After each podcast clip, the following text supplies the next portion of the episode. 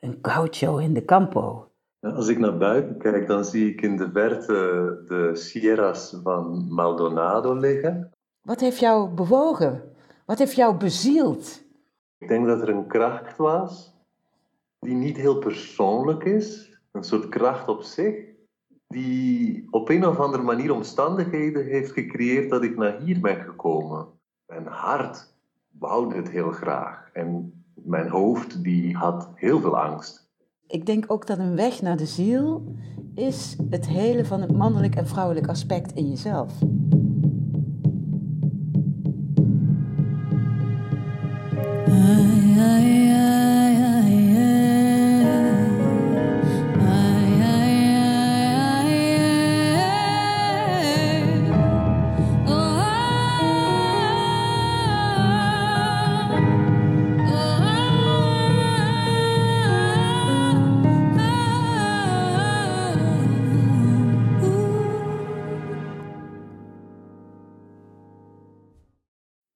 Lieve luisteraar. Vandaag ga ik in gesprek met mijn goede vriend Christophe Persijn.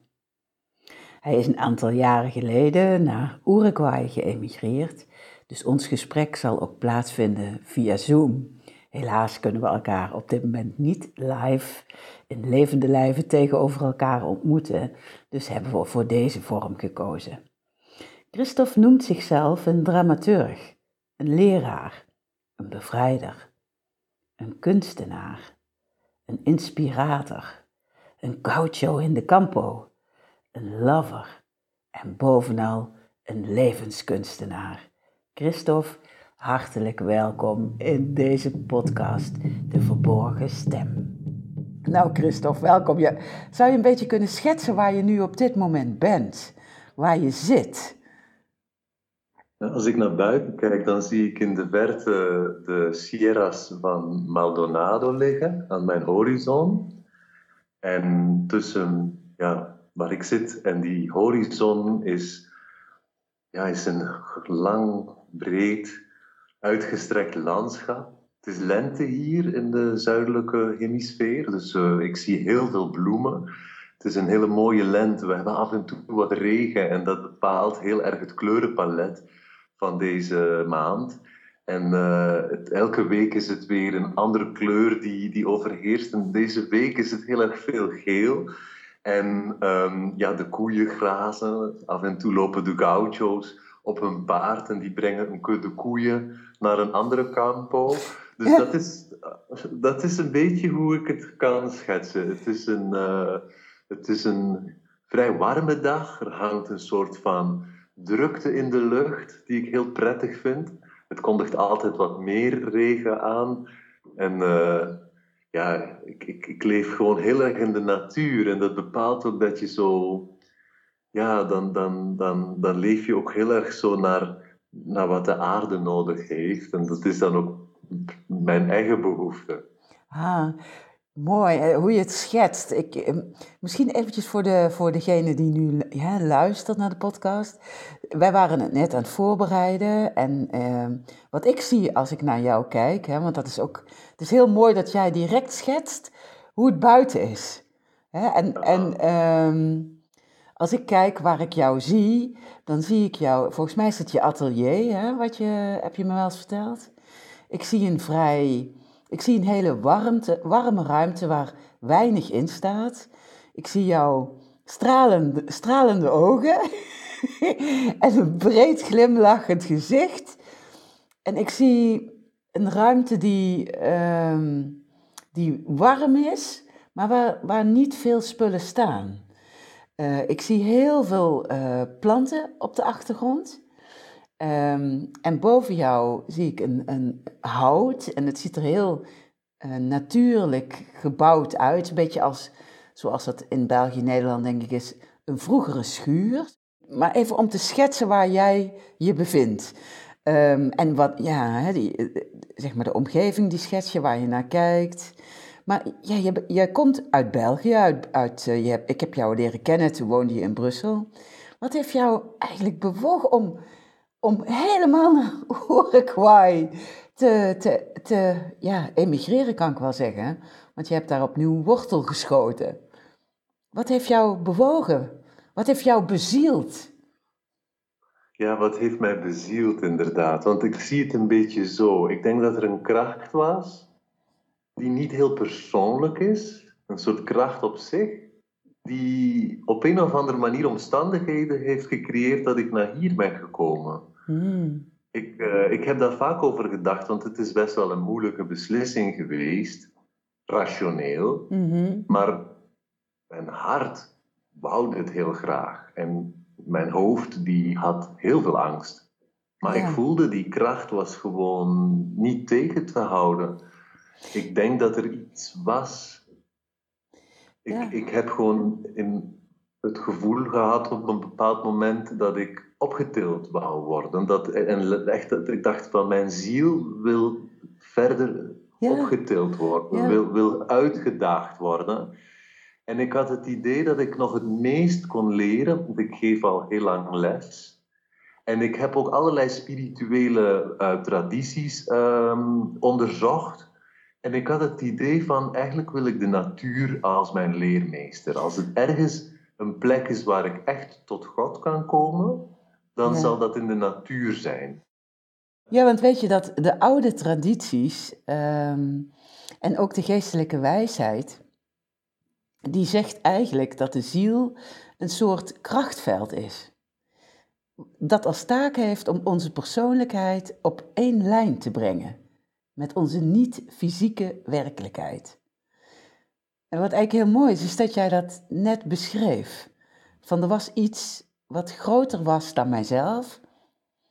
Um, dus laten we zeggen, iets wat mij dreef. Dus het, dus het is een soort krachtveld wat eigenlijk de taak heeft of het verlangen heeft om de persoonlijkheid in lijn te krijgen met wie je in je wezen bent. Dus ik, ik dacht net, god, dat is eigenlijk wel heel mooi. Hè? Van, dan beginnen we heel spontaan, maar wat is jouw bezieling? Of wat heeft jou bezield? En dan, ja, dat is mooi. Dus een, een, een veld groter dan jouzelf. Ja. Het is heel inspirerend. Want ik, ik ben grootgebracht door mijn grootmoeder. En die was natuurlijk aan het eind van haar leven. En ik was aan het begin van mijn leven. En ik denk een manier om mij voor te bereiden op haar dood, was dat ze me uit heeft gelegd van dat we allemaal een ziel hebben. En ah. als we sterven, dan gaat die ziel naar de hemel. Ja. En ik heb me zo voorgesteld, dat heeft me een soort geholpen van, ja, maar ze is niet dood, weet je, of ze gaat niet dood, ze gaat gewoon alleen maar verhuizen naar een andere plek. Dus ze laat haar lichaam achter, maar die ziel, die, die, ja, ze blijft eigenlijk voortbestaan. Waardoor ik een soort beeld had van de ziel als iets wat heel persoonlijk is. Weet je, alsof, alsof onze ziel een identiteit heeft, als, als het ware. Mhm. Maar dat is natuurlijk niet zo. Ik, ik, ik, het, het, blijft natuurlijk een metafoor van hoe zij mij heeft uitgelegd wat er zal gebeuren toen zij stierf. Maar zo letterlijk als dat zij als persoon naar een andere plek gaat en gewoon die schuld van dat lichaam achterlaat. Ja, en, en, en wat je zegt inderdaad, het is, het is veel meer een. Um, ja, ons lichaam en wie we zijn, onze naam, onze identiteit, onze cultuur, onze taal. Dat, dat, dat, ik zie dat eigenlijk als een soort, eerder als een soort maskers, waardoor die ziel een soort ja, uiting kan vinden. Hè? Zoals in de Afrikaanse cultuur zetten mensen maskers op om een soort van onpersoonlijke krachten die buiten zichzelf of, of hoger dan zichzelf uit te nodigen in dat lichaam en zich te manifesteren. En, en ik vind het mooi dat we dit gesprek hebben over de ziel als iets niet zozeer van, ja, jij hebt je ziel en ik heb mijn ziel en die zit dan ergens, weet ik veel, in, ons, in, ons, in ons hart of in onze hoofd of weet ik veel waar die huist. Nou maar dat het eigenlijk veel vrijer is, dat er op dit moment als het ware ook een ziel tussen ons twee ontstaat. Ja, ik, of dat, weet je, ik, zie het toch nog een beetje anders. Ja. Ik zie het zo dat, er, um, dat die ziel wel zijn eigen blauwdruk heeft. Dus eh, niet dat, die, dat het dus een persoonlijkheid is, maar dat het wel een blauwdruk heeft. Dus wel Mhm. iets wat. ehm, zeg maar, die ziel is wel verbonden met. Dus die is niet afgeschermd, hè? Dus het is niet zo zoals ik kijk naar ons lichaam. Hier is mijn lichaam en daar is jouw lichaam. Het is niet zo, oh, hier is mijn ziel en daar is jouw ziel. Die ziel is verbonden met iets wat nog veel groter is dan onszelf. Maar er is wel een specifieke blauwdruk. Dus iets wat die ziel wil leren, wil ervaren, waarbij die eigenlijk dus de taak heeft, zover je dat als taak kan zien, om de persoonlijkheid in één lijn te krijgen met wie we in ons, je zou kunnen zeggen, hogere zelf, maar vind ik altijd een beetje lastig, omdat ik dan denk, dan is er ook iets wat lager is, weet je wel zo. Maar om ons in, misschien wel, misschien kunnen we zeggen, het mooiste potentieel te brengen. En dat de ziel een, een brug is, een, ehm, een brug kan bouwen om, om, om eigenlijk mijzelf in mijn moogst, meest mooie, hoogste potentieel te brengen. En als ik dus in lijn zou kunnen komen met mijn geestelijke aard, mijn ziel en mijn persoonlijkheid, dat ik dan leef zoals het bedoeld is voor mij. En ik heb eigenlijk ook zoiets om daar die slag nog even in te maken. Als ik in die lijn zou kunnen leven, dan leef ik dus mijn bezieling. Eh, maar omdat het altijd in het hoogste goed van alles en iedereen staat, is het voor mij, en dat drijft mij eigenlijk ook om dit gesprek met jou te hebben over die ziel, dat op het moment dat veel mensen in lijn zouden zijn, hun bezieling zouden leven, dat we dan eigenlijk allemaal elkaar zouden helpen om, om de wereld en elkaar te verbeteren. Te, dat we voor elkaar zorg zouden dragen. ehm, dat we naar elkaar zouden kunnen omkijken en dat we op die manier een andere wereld zouden kunnen bouwen. Dus dat, dat is een beetje wat mij bezielt om het met jou over ziel te hebben. Dus ik zie het niet helemaal als iets wat compleet eh, opgaat in alles. Het is wel verbonden met alles, maar het heeft wel een, een, een specifieke blauwdruk. Hoe, hoe denk jij daarover? Het brengt mij tot een curiositeit, omwille van wat jij zegt, dat, dat het dan heel belangrijk is dat wij in ons leven in contact staan met die ziel. Hè? Ja, En ik, ja, ja, daar, van jou bracht me heel erg tot een vraag die ik jou wil stellen van hoe komen we in contact met die ziel? Hoe staan we in verbinding dat we leven naar de beweging die die ziel door Ja. ons heen wil maken? Oh, dat vind ik een hele mooie vraag. Ik word er ook heel emotioneel van. Ik, ehm, dat, is, dat is de stem van onze intuïtie. De stem die. eh, het heet de pod, deze podcast heet de verborgen stem. Maar het is ook de verborgen stem misschien wel in ons. Die we geleerd hebben om te zwijgen.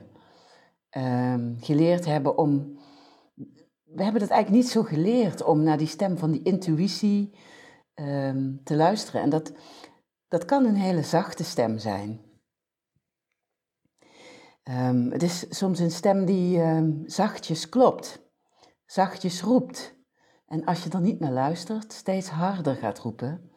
En ik ben er zelfs van overtuigd dat als je niet luistert naar die stem, die stem van de intuïtie, de stem van je ziel, die zachte stem van je hart, dat er daardoor ehm, ja, eigenlijk ook een soort zielsconflicten kunnen ontstaan. En je daardoor ook ziek kan worden, of moe, of lusteloos, of de kleur uit je leven verdwijnt. Dus ik denk als je. Ja, ik heb dat ook bij mezelf gezien, dat weet je. Hè? Ik ben een tijd behoorlijk ziek geweest. Ehm, dat als je niet luistert naar die innerlijke stem, je lijf eigenlijk de signalen gaat geven. En ik heb eh, veel mensen mogen begeleiden die eigenlijk zeiden van, goh, ja Marion, ik heb alles voor elkaar, een eh, goede, dikke, goed betaalde baan, lekker huis, een mooie vrouw. En ik, en, maar de kleur is uit mijn leven. Dus ik denk, weet je, dus het vinden van die ziel is iets waar onze samenleving ons niet zo in getraind heeft of in uitgenodigd heeft. Ehm, met alle gevolgen van dien. En ik denk zelfs, ja, dat is een hele andere afslag, dat dat soms ook echt heel bewust gebeurd is.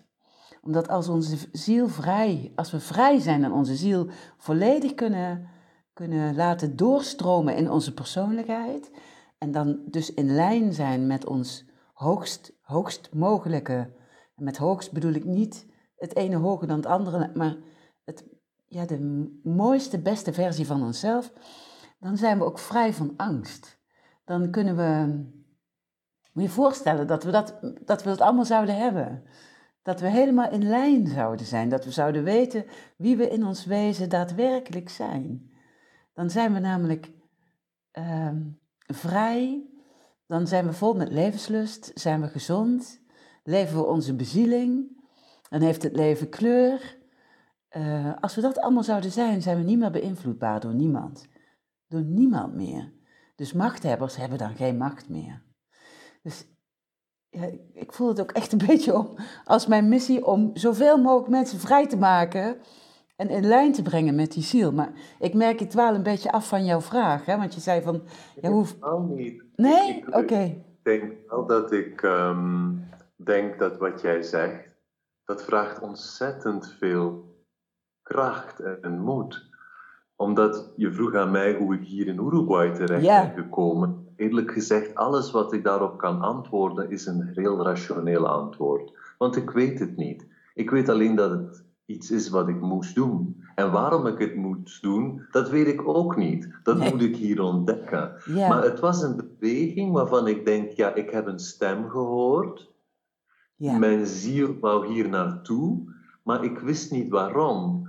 Maar om die stem te volgen, zeg maar, om, om die roeping van, van die ziel in jezelf te volgen, ja, ik heb wel ervaren hoe ontzettend veel moed dat vraagt. Want er komt heel veel weerstand op rationeel vlak. Ehm, soms omdat je ook die, die ziel gaat niet met jouw argument, een argument van ja, maar we gaan dit doen en dat doen en we doen het zus en zo. Dat, dat doet hij niet. Dat, wil gewoon beweging maken om jouzelf in een volledige ontwikkeling te laten brengen. Wat niet eens per se betekent dat het iets is wat jij denkt wat goed zal zijn. Ik denk dat een, een, ziel ook niet eens denkt in termen van ja, maar dit is nu goed of dit is nou niet goed. Weet je, het is gewoon wat. Wat, wat moet gebeuren wat precies moet gebeuren, inderdaad. Ja. En ik denk dat het niet alleen is dat we ons misschien laten onderdrukken, maar dat het gewoon echt eerst en vooral heel erg moeilijk is om die ziel, die stem, die verborgen stem, echt te horen en om ons in een staat te brengen dat we die kunnen beluisteren. Ik heb alles achtergelaten. Ik heb mijn, weet je, eigenlijk mijn hele identiteit achtergelaten. Weet je, ah, in Brussel, ik docent uh, op een academie voor theater. Nou ja, dat is een sociale rol die ik heb losgelaten. Ik ben een soort van uit de cirkel van mijn familie gestapt. Ik ben mijn, uit mijn cultuur gestapt. Um, ik loop hier rond in de kleren die ik in Brussel droeg. Nou, dat past helemaal niet bij het landschap waar ik nu leef.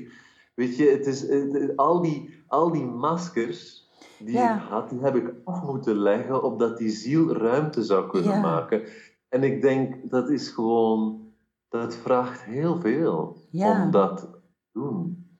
Ja, ja, dat, dat, ja, wij spreken elkaar natuurlijk regelmatig, dus ik weet hoe dat, ehm, hoe dat voor jou geweest is. In ieder geval kan je natuurlijk niet helemaal altijd ehm, zeggen van ik weet dat, omdat je het dan zelf, ik heb het zelf niet op deze manier uh, doorleefd. Ik heb natuurlijk mijn eigen proces doorgemaakt met die maskers van me afleggen, die onderzoeken.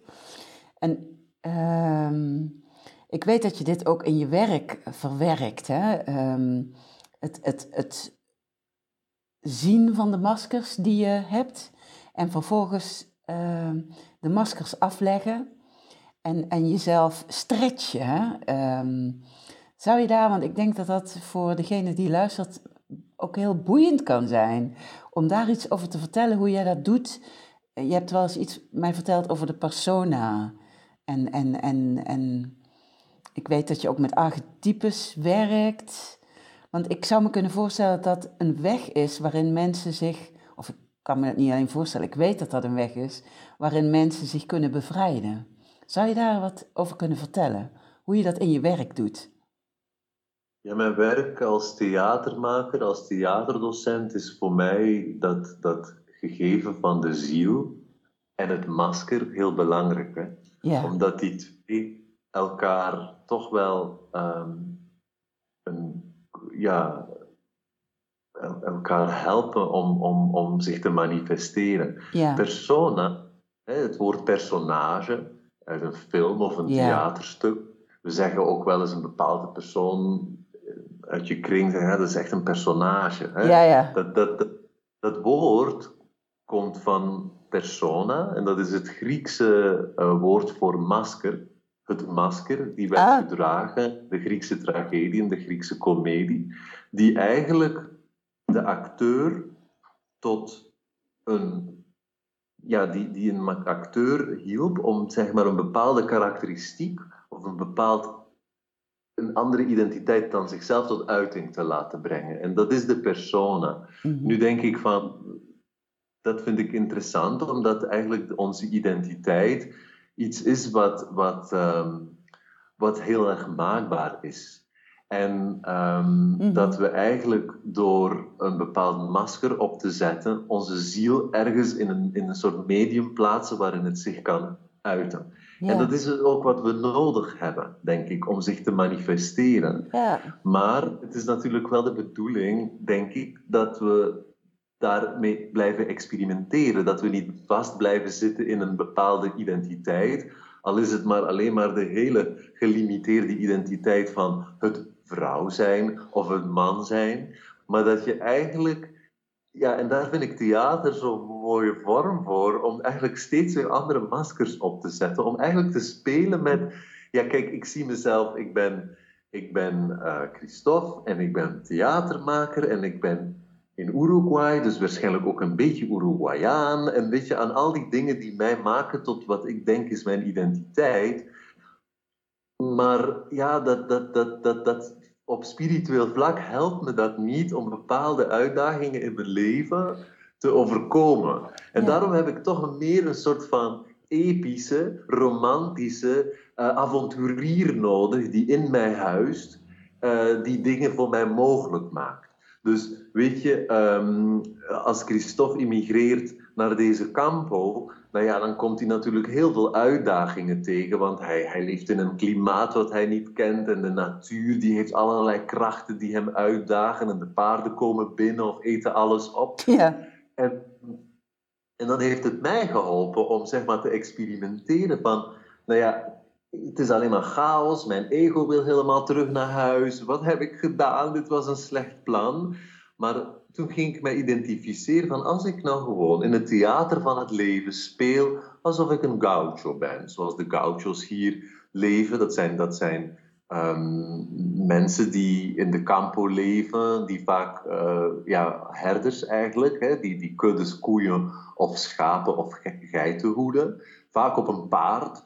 Uh, iets wat nomadisch zijn ze. Ze hebben iets heel poëtisch, maar eigenlijk ook wel heel erg aards als ik mijzelf die identiteit een beetje aanmeet, als ik daar een beetje mee speel als een soort van personage in, in de film van mijn leven, als ik bijvoorbeeld een dagboek bijhoud waarin ik neerschrijf wat de gaucho heeft ervaren, want Christophe ervaart alleen maar dingen die hij niet begrijpt, maar als ik dat ergens vanuit het gaucho-perspectief en als ik de gaucho observeer en dat archetype door mij laat leven, dan heeft alles zin. En dan, dan helpt me dat ook, weet je, dan, dan, dan ben ik een avonturier en dan ben ik, uh, weet je, een pionier en ik trek de natuur in en ik, weet je, dan wordt het een soort van de, de, de, de, de, de reis van de held. Of, ja. snap? Ja, ik snap en het. Ik denk dat, en ik denk dat dat een soort van energie, of tenminste ik zou zeggen ruimte, geeft aan de ziel weet je, maskers letterlijk ehm, zijn een soort van tijdelijke huizen voor God. Ja, Weet dat is je, mooi. dus je zet, je zet een masker op en dan komt er een bepaald aspect of een bepaalde God of een bepaalde spirit of een bepaalde energie, die kan zich via dat masker door je heen uiten. Ja. En daarom vind ik het ook leuk om, om met theater, om, met, om, om mensen uit te dagen op zet eens een ander masker op. Hoe voelt het eigenlijk om, om, om, om, om jouw identiteit af te leggen? Ik heb het ook bij mezelf eh, gebruikt. Hè. Een aantal jaren geleden merkte ik dat ik, dat ik door mijn opvoeding ehm, in Limburg, eh, in een katholiek gezin, in generaties vrouwen, een beetje dezelfde rol ging aannemen als mijn moeder. Eigenlijk degene die altijd maar zorgt, die eh, eigenlijk al naar de ander kijkt wat hij nodig heeft en dat al gegeven heeft zonder dat het waarschijnlijk nodig is. En toen op een gegeven moment dacht ik, stel nou eens dat ik eh, eens een week lang een andere rol aanneem. En ik liet mij toen in die tijd heel erg inspireren door eh, vrouwelijke godinnen, Griekse godinnen. En degene die mij het meeste stoorde, die vond, dacht ik van nou die het meest mij stoort, die zal mij waarschijnlijk het meeste zeggen hebben. En dat was Afrodite. En Afrodite, dat is een archetypisch beeld van, eh, van degene die sensueel is, die geen, maskers, die geen maskers heeft, die gewoon puur zegt ehm, wat op haar hart ligt. En ik dacht van, goh, ik ga mij eens een week kleden als die Afrodite. En ik ga ook lopen als die Afrodite. En ik ga ehm, dus bewegen, ik kleed mijzelf zo, maar ik ga ze ook spreken. En ik merkte dat dat mij enorm hielp, om, omdat ik dus mijzelf, en dat is wat jij er straks zei, er is heel veel moed voor nodig, dat ik merkte dat als ik dus die personage aannam, dat masker van die Afrodite opzette, daardoor merkte ik echte blokkades in mezelf, die kwamen aan het licht. En doordat ik het toch deed, dus ik, ik stapte er doorheen, ik deed het gewoon, en daardoor kwam er zoveel bevrijding. En zag ik dat ik eigenlijk dus die rol van die moeder die altijd maar zorgt. En dat is, ja, ik, zeg, ik merk, ik zeg het met een beetje afkeer, maar er is natuurlijk niks mis mee. Maar dat er nog zoveel meer in mij zat. En dat gaf me zoveel vreugde. Dus het is ook, merk ik, als je. Kijk, die, je hebt moed nodig, maar op het moment dat je doet, dan komt er zoveel vreugde en zoveel ruimte. Ehm, waardoor je merkt van, goh, ik heb mij iets aangemeten of iets laten aanmeten, maar is dat wie ik ben? Dat is niet wie ik ben. Ik ben veel meer dan dat. Dan de rol die ik gespeeld heb of die ik, waarvan ik gedacht heb dat het de rol was die ik moest spelen. Ehm, ja, dus dat heeft mij, eh, ja, ook net als jij, heel veel gebracht. Maar mooi, ja, dus jij gebruikt de gaucho, hè? En ik ja, heb met Afrodite Ja, gespeeld. dat, moet, dat, dat, moet- dat, dat, dat, dat moet gewoon steeds blijven vloeien. Ja. Snap je? Dat, dat vind ik mooi wat je zegt. Dan leef je die Afrodite helemaal uit. Ja, Brengt je dan uiteindelijk tot een punt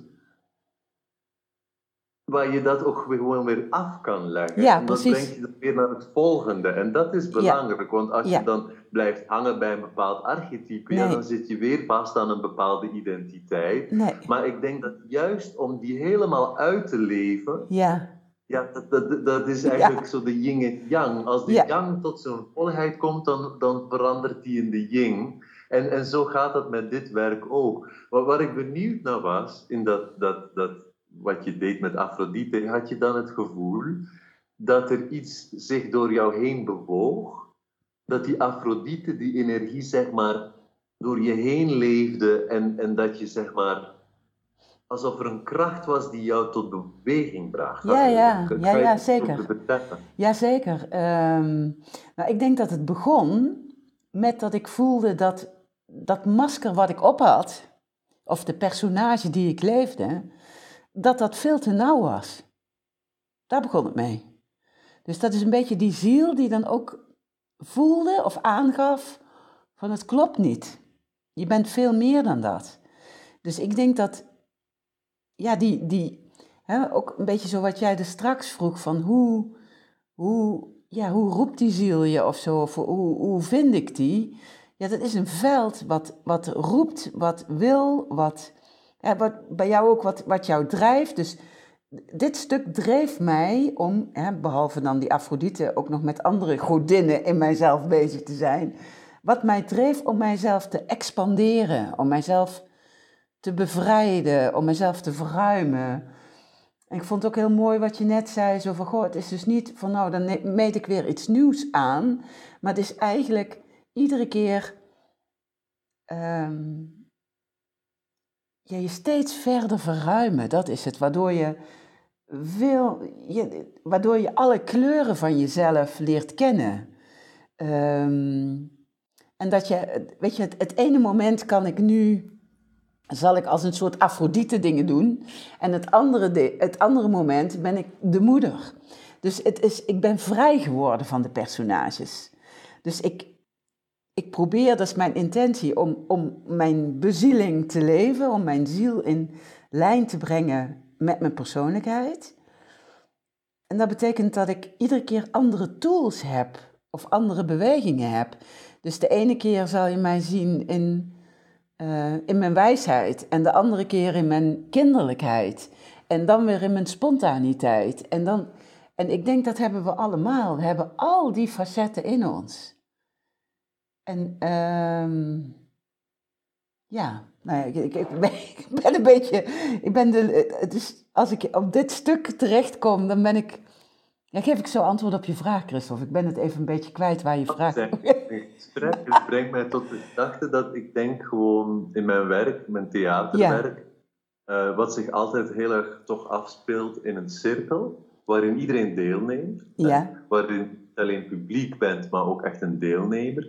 En uh, op, op, ja, ik, ik, zie mezelf ook als echt als een theaterpedagoog, is het voor mij heel belangrijk eigenlijk om ergens, ja, iedereen wil zo graag iets anders zijn dan ja. hij is. Hè. Iedereen voelt zich toch ergens heel erg beperkt en daarom komen mensen ook naar die, naar die uh, sessies van mij, om, omdat er zo'n drang is om, om, ja. om, boven, om, om boven die identiteiten uit te stijgen. En er komen altijd heel spontaan, iemand wil gewoon heel erg graag de, de koningin zijn, of iemand wil hm. de heks zijn. Weet je, en, en natuurlijk ook iemand heeft altijd bepaalde patronen. En het is ook altijd belangrijk om iemand uit patronen te trekken. Weet je? Uh, mannen hebben mannelijke patronen, vrouwelijke patronen bestaan ook. En, en om, om, om, om dat een beetje, uh, om, om mensen uit die comfortabele zone te trekken. Maar wat ik wil vertellen is dat het eigenlijk heel belangrijk is voor mij in dat werk om een soort van ruimte te creëren waarin die magie kan gebeuren, waarin zeg maar, je kan je, je kan je verkleden tot een bepaald archetype, maar je moet natuurlijk, het gaat niet alleen maar om een soort van kostuum of een masker wat je opzet, het gaat natuurlijk om dat je die controle loslaat. Ja dat je uit, het, uit, uit dat mentale gaat.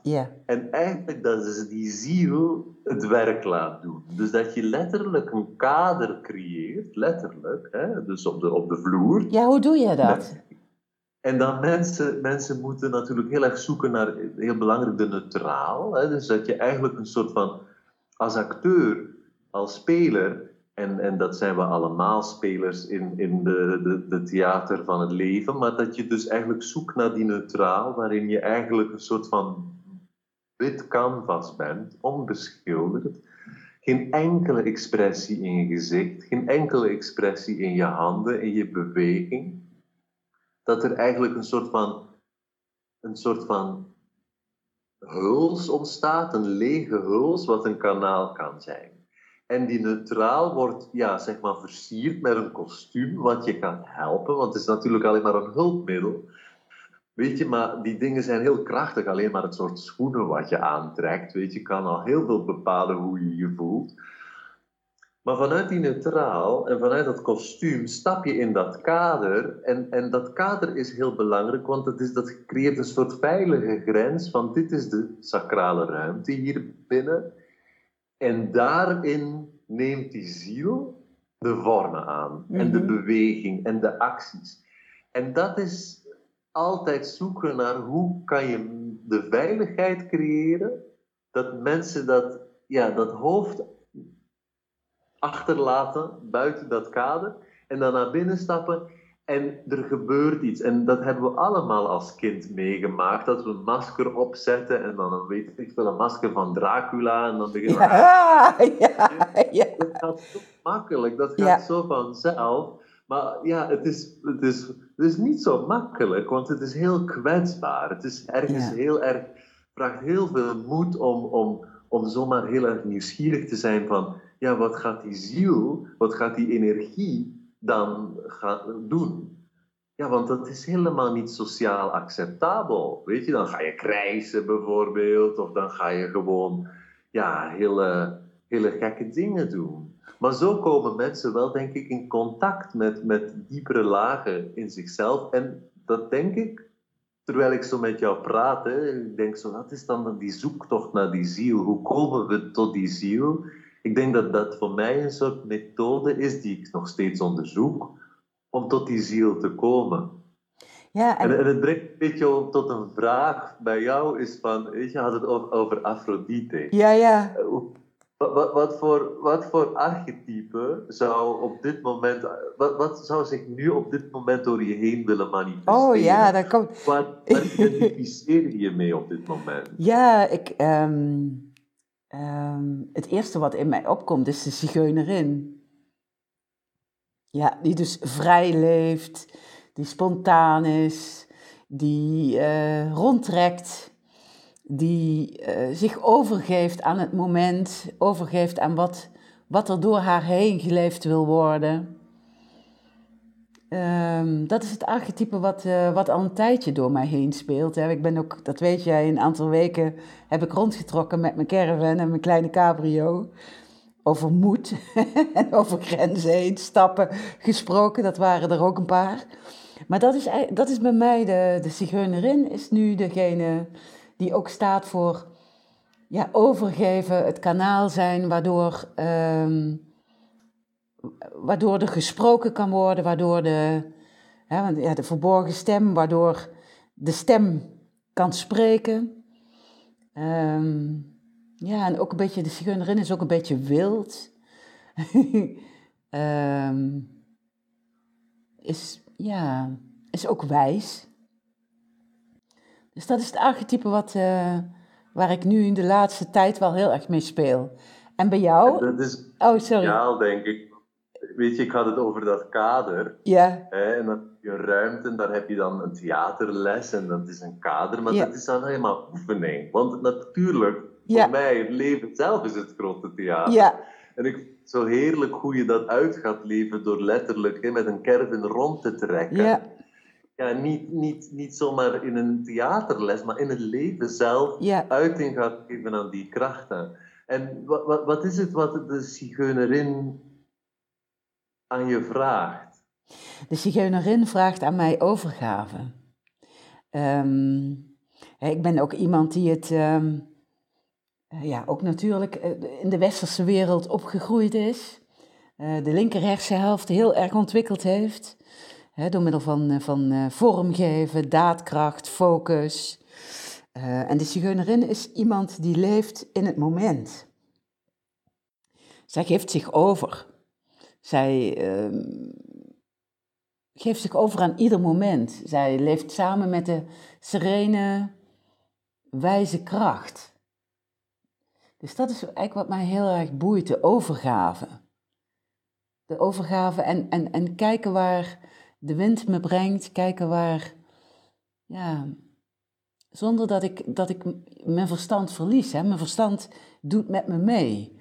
Ik doe geen roekeloze dingen. Ehm, maar mij vooral laten, dus niet laten drijven door hetgene wat, wat ik wil, maar door hetgene wat, wat door mij heen wil leven. Eigenlijk is dat, dat is de beste samenvatting. Ja, De zigeuner is daarbij zeg maar het masker wat, Ja. wat, wat helpt. Um, Ik, ik, ik dacht even aan, het, aan, aan iets wat voor jou heel erg belangrijk is, is, is het, het vrouwelijke aspect Ja. hè, en het ja, mannelijke aspect. En, en daar ben je ook heel erg mee bezig met jou, het vrouwelijke aspect van God. ja, En ik dacht even zo een zigeunerin is een vrouwelijk archetype. Zijn er in momenten in je leven geweest waar, waar je het idee had dat, dat je eerder een soort mannelijk archetype had, wat je Ja, door zeker. bepaalde Zeker. uitdagingen heen heeft geholpen? Zeker, de rebel. Dat was er echt eentje.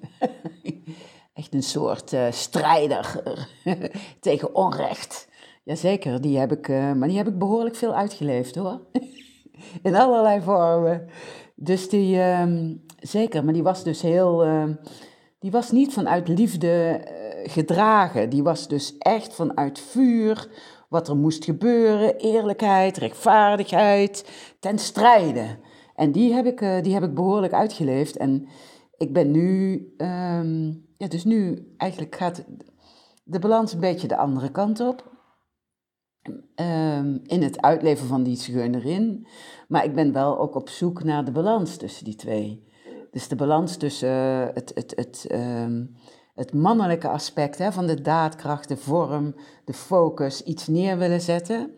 Maar dat het gedragen wordt vanuit de overgave van wat er mag ontstaan. Snap je wat ik bedoel daarin? Dus de. ehm, ja, het, zeg maar, ik denk dat in, maar dat is misschien een heel ander verhaal. Ik weet ook niet of we helemaal nu deze kant op moeten gaan. Ehm, ja, misschien wel. Weet je, het doet mij denken aan. ehm, ik heb ooit eens een tentoonstelling gezien van foto's van ehm, eh, jonge mensen die gedurende vijf jaar ieder jaar gefotografeerd werden. En dat waren ehm, jongens die er een beetje feminien uitzagen en meisjes die er een beetje masculien uitzagen. En dus die jonge kinderen werden vijf jaar lang gefotografeerd en ik liep daar langs, langs die foto's en ik merkte dat mijn mind eigenlijk wou kijken, is het nou een jongen of is het een meisje? Nou, hè, nou een meisje? Eh, eh, Nee, toch een jongen. Hè? En toen ik dacht van, goh, laat dat nou eens los Marion. Laat het eens los, want je kan het niet volgen. En toen ik het losliet, toen zag ik de ziel op de foto's. En ik denk dat misschien behalve waar we het net over hadden, hè, de archetypes en dat het dus ook heel belangrijk is om die balans te vinden, want een ziel is niet mannelijk of vrouwelijk. Dus ik denk ook dat een weg naar de ziel is het hele van het mannelijk en vrouwelijk aspect in jezelf. Ehm, en ik merk, ja, dus ik, ik heb jaren die rebel uitgeleefd en nu is het die scheunerin die vraagt voor aandacht. Maar het is uiteindelijk dat de combinatie van die beide, ehm, dat op het kruispunt van die beide, dat daar volgens mij mijn ziel te vinden is. Hoe, hoe zie jij dat? Ja, ik vind het heel interessant, omdat ja, een ziel heeft geen gender, hè. Nee. En, eh, en daardoor ja, hebben we bepaalde kwaliteiten ontwikkeld, omdat we nu eenmaal in een bepaald ja, lichaam wat wel een gender heeft. Hè? En, en Ja. dat, dat bepaalt eigenlijk ontzettend veel van onze identiteit. Ja. Maar ik vind het wel heel interessant om, eh, om ook dat in vraag te stellen. Hè? Want Ja. het is zo, ah ja, ik, ik ben als man geboren en dat, dat, ja, je wordt daar ook zo opgevoed. En, en ik weet niet, soms heb ik het gevoel dat dat, dat, dat vaak, als, als je dat niet in vraag stelt, dat dat, dat ook zo beperkend kan zijn. En, en dat, dat, dat, dat ik ook vaak mannen zie dat ik denk, ja, die zitten zo in een gareel van dat man zijn, wat nooit in vraag is gesteld omdat je daar ook heel erg in wordt gestimule- gestimuleerd natuurlijk. Hè? Als je Mm. een man bent, ja, nou, dat is dat, eh, er zijn bepaalde wetten over wat mannelijkheid is. En als je daaraan voldoet, nou, dan heb je een heel comfortabel leven. Ja. Maar dan ben je zo stijf als iets. En ik bedoel dat niet Nee. ik bedoel dat op een negatieve manier, zodat die, dat, dat flexibele is er niet. En, en, en ik heb wel zoiets van, ik vind het wel boeiend om daar ook een beetje aan te schudden, weet je. Om, om, daarom vroeg ik het je van, ja, zo van, zijn er ook archetypes die juist ja, een, een, een, een, een, mannelijke god in ons eh, tot leven brengen, of in mijn geval een vrouwelijke god. En ik merk ook weer dat, hè, dat, dat, dat, dat werkt zo bevrijdend, maar het is zo eng Ja, voor, eh, voor mannen, en, en ik denk zeker voor heteroseksuele mannen, om, ja, ik, ik, ik, ik zie altijd hoe ontzettend bevrijdend het is en hoe ze ervan genieten, maar de weg er naartoe, om dat echt te belichamen, om zeg maar een soort drag te worden, ja, en dat is, dat is iets wat, eh, wat heel eng is, want dat, dat, dat, dat confronteert je met iets heel fundamenteel, waarvan je altijd wist, eh, ja, daar ben ik zeker van, ik ben een man. ja, Maar ja, wie is je ziel als vrouw? ja, Hè? In jouw geval, wie is jouw ziel als het een mannelijk masker draagt? Ja. En, en ja, dus ik vind dat heel interessant. eh, Ja, ik ook. te ik ook. Hey, en, maar, en, en wat voor een... Dus jij, jij doet dat in een theatrale vorm met jouw eh, studenten. En wat zie je aan effect? Wat, wat brengt het hun? Wat, wat, wat voor een groei maken ze mee of door? Kan je daar eens iets over vertellen? Over misschien een voorbeeld wat je gezien hebt? Of, ja, of misschien wil je het liever veralgeme- ge- veralgemeniseren. Kan je daar iets over vertellen? Want ben ik, wel heel, ik ben daar heel nieuwsgierig. Hoe werkt dat dan? Wat heb jij daarin gezien? Hoe verandert het mensen? Ja, het is prachtig omdat je in zo'n cirkel waarin mensen samenkomen om deze vorm van theater uit te spelen, ja, die leren elkaar gewoon op een manier kennen die heel diep is. Ik Ja. heb het gevoel dat ik heel vaak met mijn studenten een veel diepgaandere relatie ontwikkel dan met mijn vrienden of familie, omdat ik, ja, omdat er gewoon aspecten van hun persoonlijkheid naar de oppervlakte komen die buiten Ja. nooit de kans krijgen om gezien te worden. Ja. Ja, weet je, theater heeft gewoon de, de, de kwaliteit van de catharsis. Hè, dus er, er is een soort van situatie, een drama, een conflict. En dan op het einde komt er een soort spiritueel inzicht die ja, dat conflict heeft gegenereerd. En dan komt die bevrijding. En dat ontstaat natuurlijk ook in, in zo'n bijeenkomst en in die lessen. Je werkt altijd naar die catharsis toe, naar die bevrijding. Wauw. En je ziet dat, dat innerlijke conflict of dat drama met jezelf. En dan, Ja. ja, ik, ik zie gewoon, ik raad het zo aan. Ik, ik, ik wil ook echt een pleidooi houden voor meer dramalessen in, in, in, in, in opleidingen. Omdat het mensen zo helpt om zichzelf te uiten Ja. om, om, om, om zich te verbaliseren, om assertief te zijn, om, om fysiek gewoon, ja, om na te denken over hoe presenteer ik mezelf. En natuurlijk om, om, om, om veel meer te onderzoeken het thema van identiteit. En Ja. ja, ik, ik geniet ervan om, Ja. om mensen te zien bevrijden. Ehm, maar ik moet ook wel heel erg veel met de weerstand eh, werken Ja. natuurlijk. Hè. Ja, nou, ja, dat herken ik. Ik, ik, eh, ik herken dat in, eh, in mijn werk ook, dat het, dat het heel veel plezier is, heel veel intimiteit, hele diepgaande intimiteit, bevrijding, ehm, verruiming is.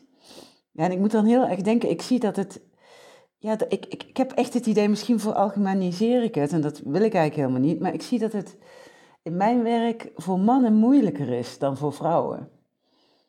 Dat het ehm, moeilijker is om zich vrij te maken.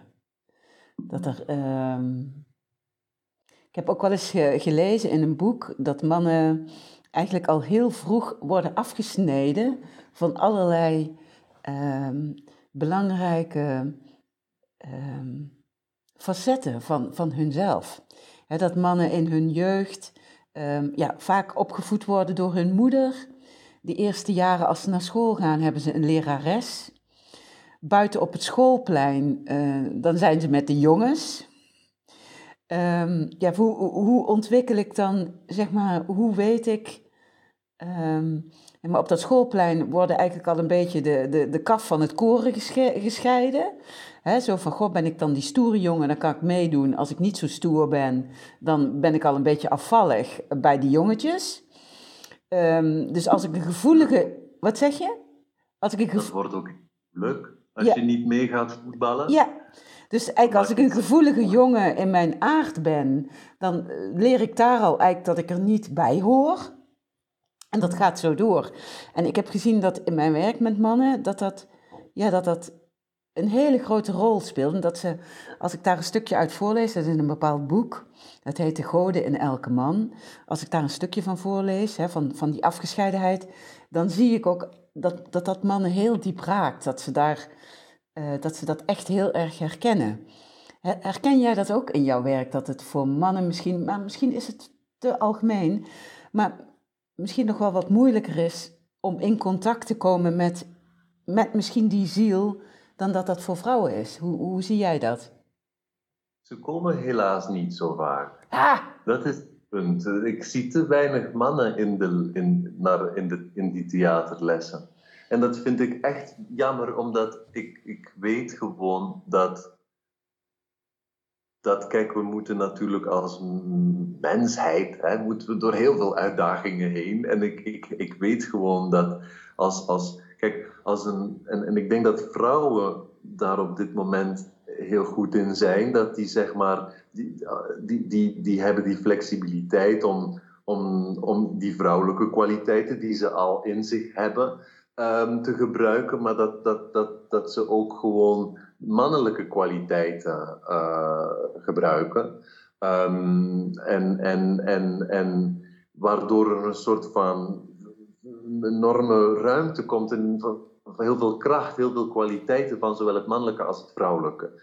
Mannen die zijn gewoon heel erg bang dat als ze zich vrouwelijke kwaliteiten uh, toe-eigenen, dat ze dan als mietje worden beschouwd, of als een mama's kind, of als, ja, of als nog erger gay of homoseksueel. Weet je, dat is een oh, enorme angst, omdat je dan ja, uit de tribe wordt gedreven. Terwijl ja, je ziet gewoon dat maakt een man op lange termijn zwak. Dat maakt dat hij toch minder. En Je kan niet alleen maar, als je alleen maar die mannelijke kwaliteiten stimuleert, ja, dan, dan ben je fysiek misschien wel krachtig en dan dus ben je misschien wel heel erg uh, goed in bepaalde, weet je, in, in, in, in geld verzamelen en, en in dingen bouwen. Maar eigenlijk, als je die vrouwelijke aspecten niet integreert, ik denk dat je dat, en, en daarom denk ik, als, als het gaat over de battle of the sexes, dan denk ik, dan gaat het, de man het verliezen. En dat zie je ook in, in, op cultureel vlak, waar, waar, waar, waar, waar weet je, als, als, uh, als vrouwen uh, zowel de mannelijke als de vrouwelijke dansbewegingen van een bepaalde cultuur doen, nou, dan hebben ze een enorme lichaamstaal, want dan draaien ze zowel met hun heupen als gebruiken ze hele krachtige armoefeningen. En een, ja, als een man zegt, ja, maar ik wil alleen maar mijn spierkracht in die dans, hè, die, die, die, die tribale dans uiten, ja, dan zien we alleen maar dat. Maar ja, dan, dan cultureel gezien heeft het gewoon, ja, artistiek heeft het ook minder waarde, want het is heel beperkt. Ja, ik weet niet of ik me goed uit, uh, maar ik, ik heb het gevoel dat, uh, dat, we, dat dat echt nodig is om vooruit te komen. En om af te komen van dat, ja, maar dit is nou heel, iets heel vrouwelijk. Um, maar ik heb het geluk gehad dat dat in mijn leven altijd een vraag is geweest van, ja, ben ik nou een jongen of ben ik nou een meisje?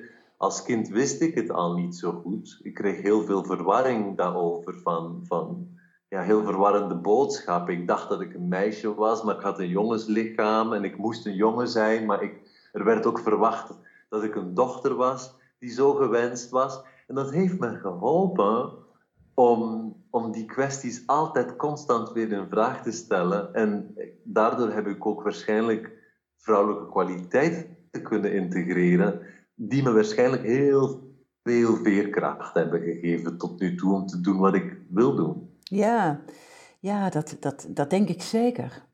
Dat denk ik zeker. En hoe zie jij het voor je? Hoe denk je daarover? Hoe kunnen we, zeg maar, mannen en vrouwen hierin ehm, hoe, hoe kunnen mannen de weg naar jou vinden, bijvoorbeeld? Hoe, uh, ja, heb je daar ideeën over? Hoe, wat zou er moeten gebeuren? Of wat zou er, uh, misschien een beetje filosoferen. Ja, je zei net al, dramales zou eigenlijk op school uh, veel meer uh, gegeven moeten worden. Hè? Um, ja, ik, ik heb daaraan toe te voegen dat, dat we eigenlijk veel meer zouden mogen weten over onze ziel dat die eh, mannelijk en vrouwelijk is. Eh, en dat we veel meer ehm, in contact en zouden, dat er veel meer gestimuleerd zou mogen worden om die creativiteit, uh, de, dus eigenlijk de vrouwelijke aspecten, um, meer te ontwikkelen. Creativiteit, intuïtie, afwachten, verbinden. Dat we daar eigenlijk veel meer in getriggerd en uitgedaagd zouden mogen worden. Zowel mannen als vrouwen. Um, dus ik denk dat, dat daar eigenlijk de, de oplossing zou liggen. Maar hoe, hoe zie jij dat? Ja, ik heb, ik heb toch iets van uh, alle, maskers, alle maskers uitproberen. Oké. En, uh, en, en, ook steeds meer die identiteit in vraag blijven stellen. Ja. En, en gewoon, ja, gewoon herkennen wat je patronen zijn. En, en, en je gewoon, ja, ik, ik, ik, ik, voor mij het allerbeste is geweest dat ik mezelf uit ik was heel gelukkig in Brussel en ik had daar een heel goed leven. Maar ik heb er me helemaal uitgetrokken, waardoor ik ineens alles wat ik dacht te zijn een vraag moest stellen. En ik heb ook zoiets van: volg die ziel, volg die verborgen stem, want die, gaat je, die brengt je in avontuurlijke situaties terecht. Nou, je gaat je identiteit in stukken zien worden. Ja. En ik denk van, dat is het gewoon. Leef het avontuur, breng jezelf in gevaar. Uh, weet je, de gek die, die in de tarotkaart nummer 0 zich in de ravijn stort, om dan te zien wat er nog van zichzelf overblijft. Weet je, dat is volgens mij de manier om te leven. Ja. En, uh, en dat is hoe ik het probeer te doen. En uh, het is niet gemakkelijk, maar ik denk, ik heb, al, ik heb vaak gezegd, ik heb het heel moeilijk hier in dit immigratieproces. Ik ben heel erg bang. Ik ben heel erg uh, gestrest. Maar mijn ziel voelt zich geweldig. ja, mooi, mooi. Dus ja, eigenlijk zeg je leven, speel, stort je erin. Laat het door je heen bewegen. En geniet. Ja. Ik denk dat het een heel mooi einde is van, de, van ons gesprek. Ik wil je heel erg bedanken, Christophe, voor dit uh, boeiende, ja, heel voor onze boeiende reis van het afgelopen, ik weet niet eens hoe lang het geduurd heeft. Ik denk drie kwartier tot een uur, ik heb geen idee, maakt ook helemaal niet uit. Uh, heel erg bedankt. Gracias Marion. het is echt heel bijzonder hoe je deze thema's uh, aansnijdt en, en hoe, het, uh, ja, hoe het mij op een spoor heeft gezet die voor mij heel erg uh, inspirerend is. En voor, wederzijds, voor mij ook. Oké, okay, dankjewel. Tot, uh, tot heel snel, goede vriend. Dag. Ciao. Jij ook hartelijk dank, lieve luisteraar, voor het luisteren naar deze aflevering van de podcastserie De Verborgen Stem. Als je deze podcast hebt geluisterd op de dag van de lancering, iedere eerste zondag van de maand, dan is er aansluitend om 11 uur de mogelijkheid om deel te nemen aan een live Zoom-meeting. In deze meeting zal ik je aan de hand van mijn stem en mooie muziek meenemen naar een mystieke ervaring die hoort bij de kennis die zojuist met je gedeeld is. Deze meeting zal ik opnemen, waardoor er de mogelijkheid is om ook deze later terug te luisteren. Je kunt de opname vinden op mijn website www.marionbovens.nl. Ik wens je een hele fijne dag en vergeet niet, je bent vrij, uniek en krachtig.